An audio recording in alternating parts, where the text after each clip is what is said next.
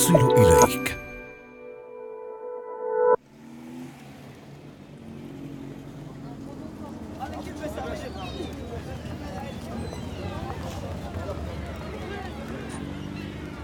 أمام الكافيهات المطلة على البوسفور في الجانب الآسيوي من إسطنبول وتحديدا في أوسكودار. تصطف بعض الفتيات اللواتي يحملن المظلات يحركنها بشكل متناغم على إيقاع هذه الأغنية. كلمات هذه الأغنية باللغة التركية. لحنها وإيقاعها مألوفان لدينا في تراثنا الغنائي العربي.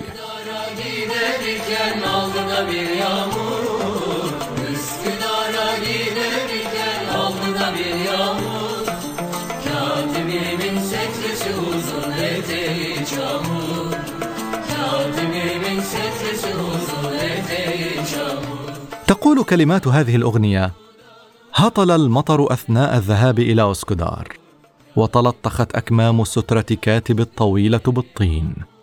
استيقظ الكاتب من النوم وعينه مخمورة. الكاتب لي أنا فما شأن الآخرين؟ هذه الأغنية اسمها كاتب وهو بالمناسبة اسم ذات المقهى الذي تستعرض هذه الفرقة أداءها أمامه. السؤال الآن كيف انتقل لحن هذه الأغنية إلى الأغاني باللغة العربية وإلى لغات أخرى حول العالم؟ ما أثر التنوع الثقافي الزاخر في إسطنبول على الحركة الموسيقية؟ وكيف ساهم هذا التنوع الثقافي في تشكيل إضافة موسيقية إلى الشرق الأوسط والعالم؟ أهلا بكم في رواية الذي يأتيكم عبر منصة البودكاست موجة من تي آر تي عربي وأنا أحمد الكريري. في تاريخ الحضارة الإنسانية كما نشأت اللغة مع الإنسان كانت الموسيقى هي لغة الإنسان الثانية. كانت اللغة المنطوقة متعارفا عليها على مستوى المجتمعات منفردة ولكنها لم تكن ترقى لأن تكون أداة للتخاطب مع المجتمعات الأخرى. الموسيقى وباعتبارها لغة نضجت تدريجيا مع الوعي البشري الجمعي تجاوزت هذه العقبة إذ كان ارتباطها بالروح أكثر من ارتباطها بالمنطق.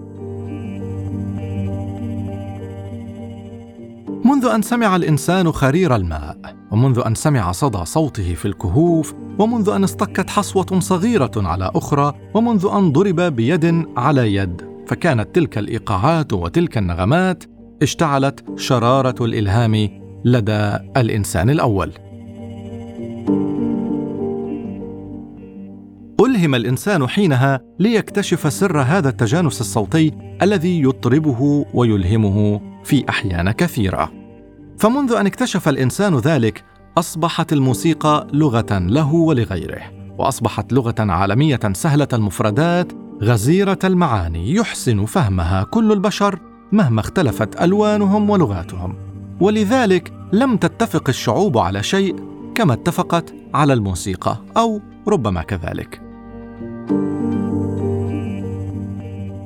فكانت جزءا لا يتجزأ من حضارة الشعوب وحياتهم تعكس ثقافتها وتربط الآخرين بها وجدانيا.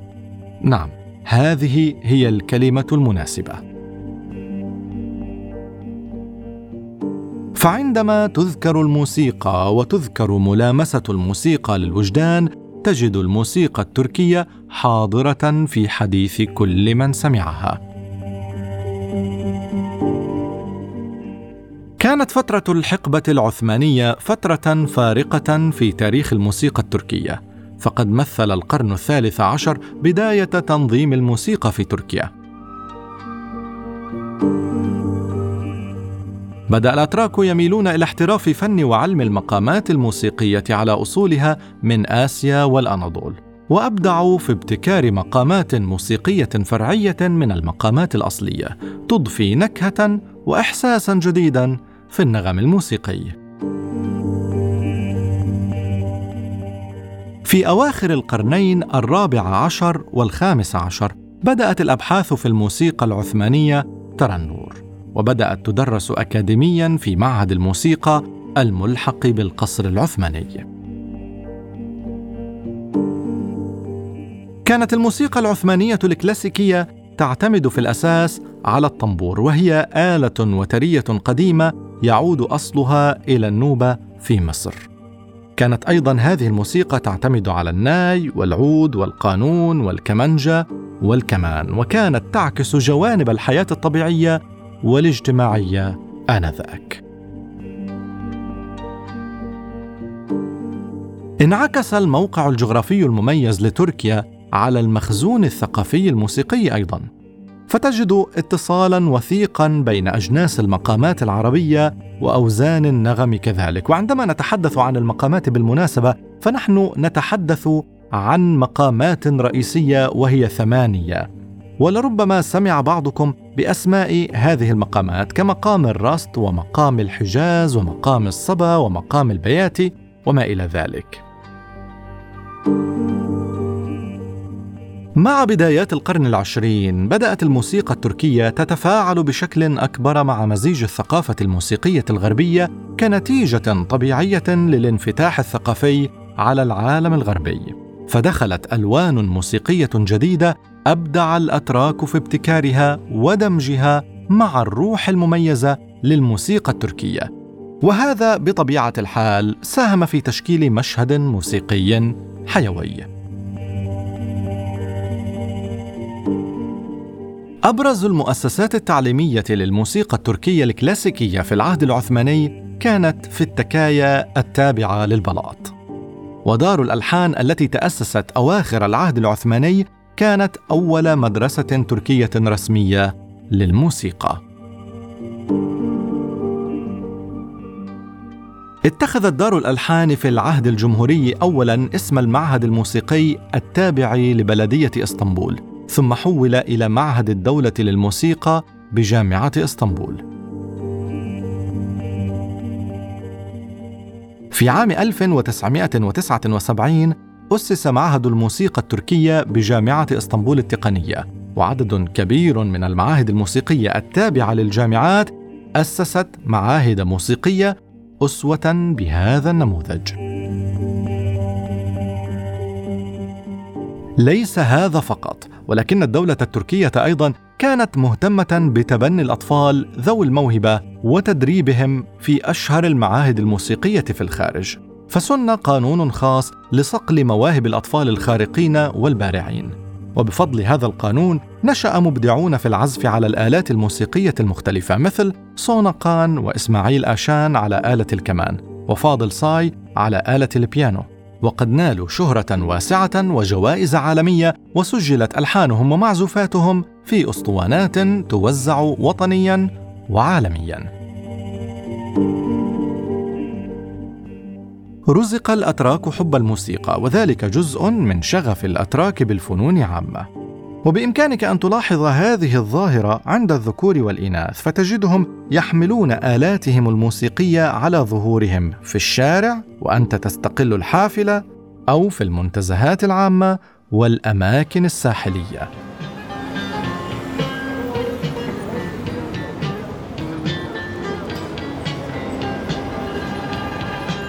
هنا في ميدان تقسيم عند مداخل محطة المترو ومخارجها. وهناك في هذه الساحة الكبيرة تلاحظ انتشار عازفي الآلات الموسيقية المختلفة يبدعون في إبراز مواهبهم أمام السياح والمقيمين. تتعلق أذنك بنغمات موسيقية تشعر وكأنها تخاطبك. أنماط موسيقية مختلفة تجدها في مجملها متناغمة مع روح المكان وطبيعته. إذا ما سرنا قليلا باتجاه شارع الاستقلال المعروف هنا باسم تقسيم. تشعر وكأن المكان على جانبي الطريق أشبه بحفلات موسيقية مصغرة. هنا فرقة تعزف أغنية عربية بطابع موسيقي تركي وهنا ألحان غربية بنكهة تركية وهنا أغاني تركية خالصة. لا تمل ولا تشعر بالغربة. فكما يقال إذا ألفت موسيقى شعب أو ثقافة معينة فاعلم أن فيك جزءا ينتمي إلى هذا المكان.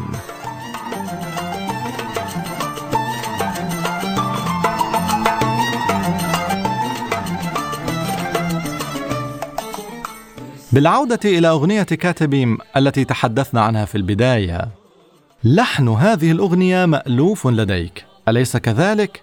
حسنا؟ هل استطعت تخمين الأغنية العربية المقابلة لهذه الأغنية التركية؟ يا بنات اسكندرية لمحمد بكار المطرب المصري الشهير. يا بنات اسكندرية عشقكم حرام. يا بنات اسكندرية عشقكم حرام. لكن هذا اللحن لم ينتشر في مصر فقط. بل سرت روح هذه الأغنية في بلدان مختلفة في بلاد الشام والعراق وأوروبا. الموشح العراقي الشهير مثلا يا عذولي لا تلمني فالهوى قتال إنني مغرم صبابة أرتجي الوصال. وأصل هذه الأغنية للملا عثمان الموصلي نسبة إلى مدينة الموصل في العراق.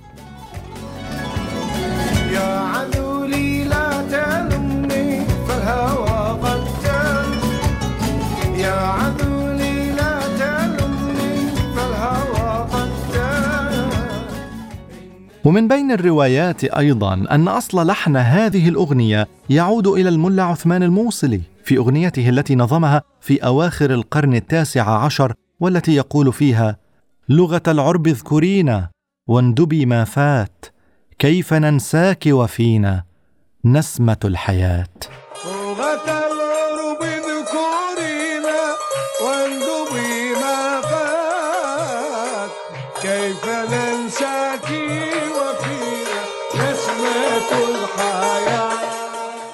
في بلاد الشام اشتهر هذا اللحن في أغنية غزالي غزالي وكذلك في أغنية طالما أشكو غرامي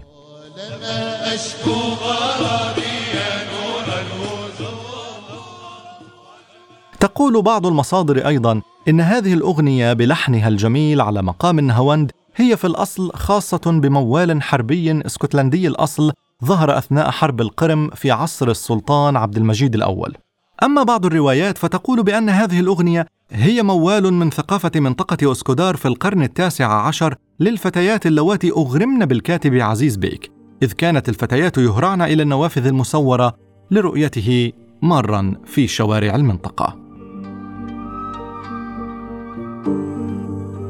في تركيا غنت على هذا اللحن المغنية صفية إيلا سنة 1949 واشتهر اللحن أيضا مع زكي موران في فيلمه كاتب سنة 1968 وأصبحت هذه الأغنية من التراث التركي وتغنى في العديد من المناسبات ويرافق من يغنيها في الأداء عادة فتاة تحمل المظلة تعقفها يمينا ويسارا.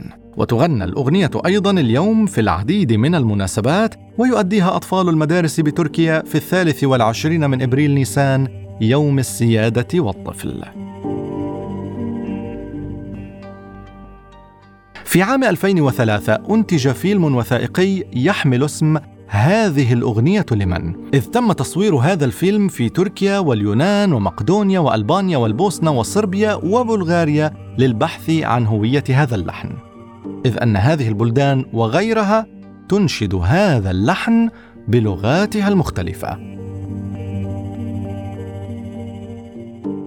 في نهاية الفيلم لم تكن تتوافر إجابة واضحة وأكيدة، ولكن المؤكد أن روح الموسيقى التركية حاضرة اليوم في الشرق والغرب، وأثرها ممتد بسبب غناها الثقافي وحالة الوعي الموسيقي الجمعي لدى الكثير من الأتراك.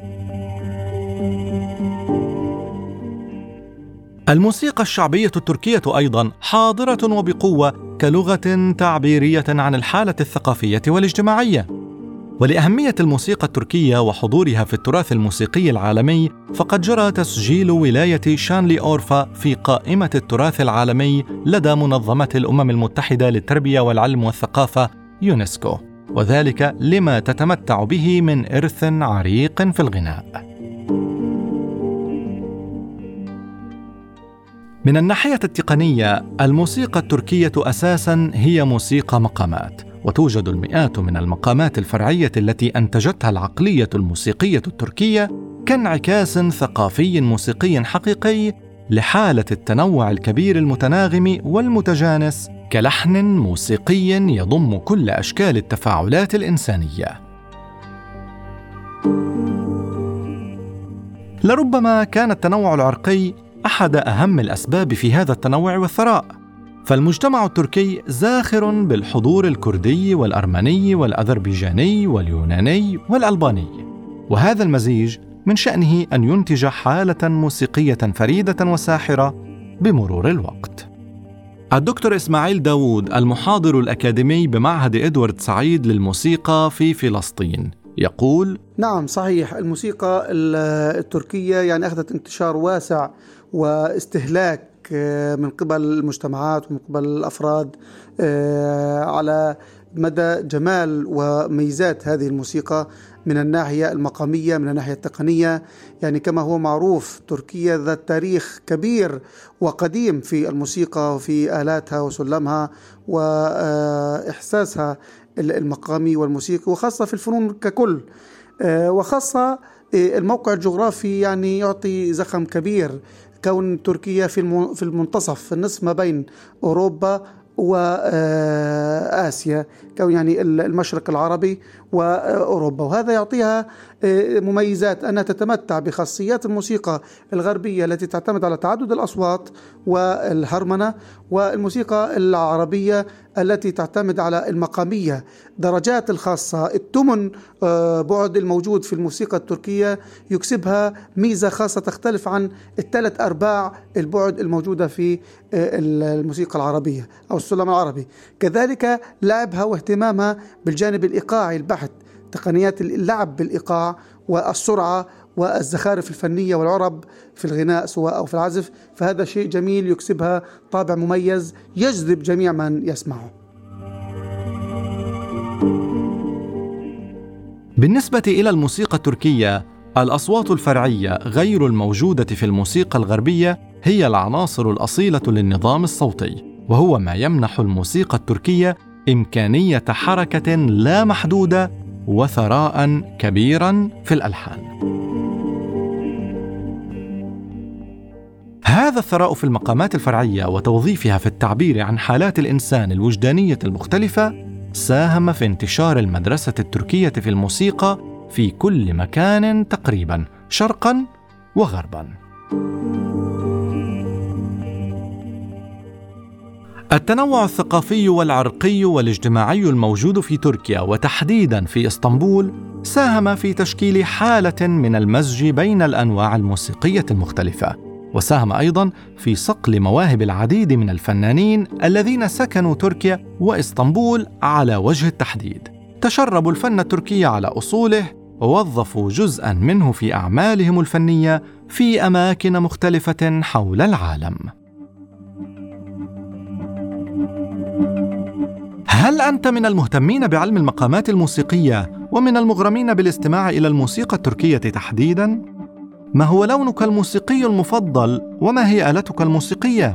وهل تعتقد فعلا أن الموسيقى تمتلك مقدرة التعبير عن ثقافة الشعوب وأنها مرآة تعكس رقي المجتمعات وتحضرها؟ كما يقال شاركنا برأيك في التعليقات. تابعونا في الحلقة القادمة من رواية. عبر منصة بودكاست موجة من تي آر تي عربي. موجة نصل إليك.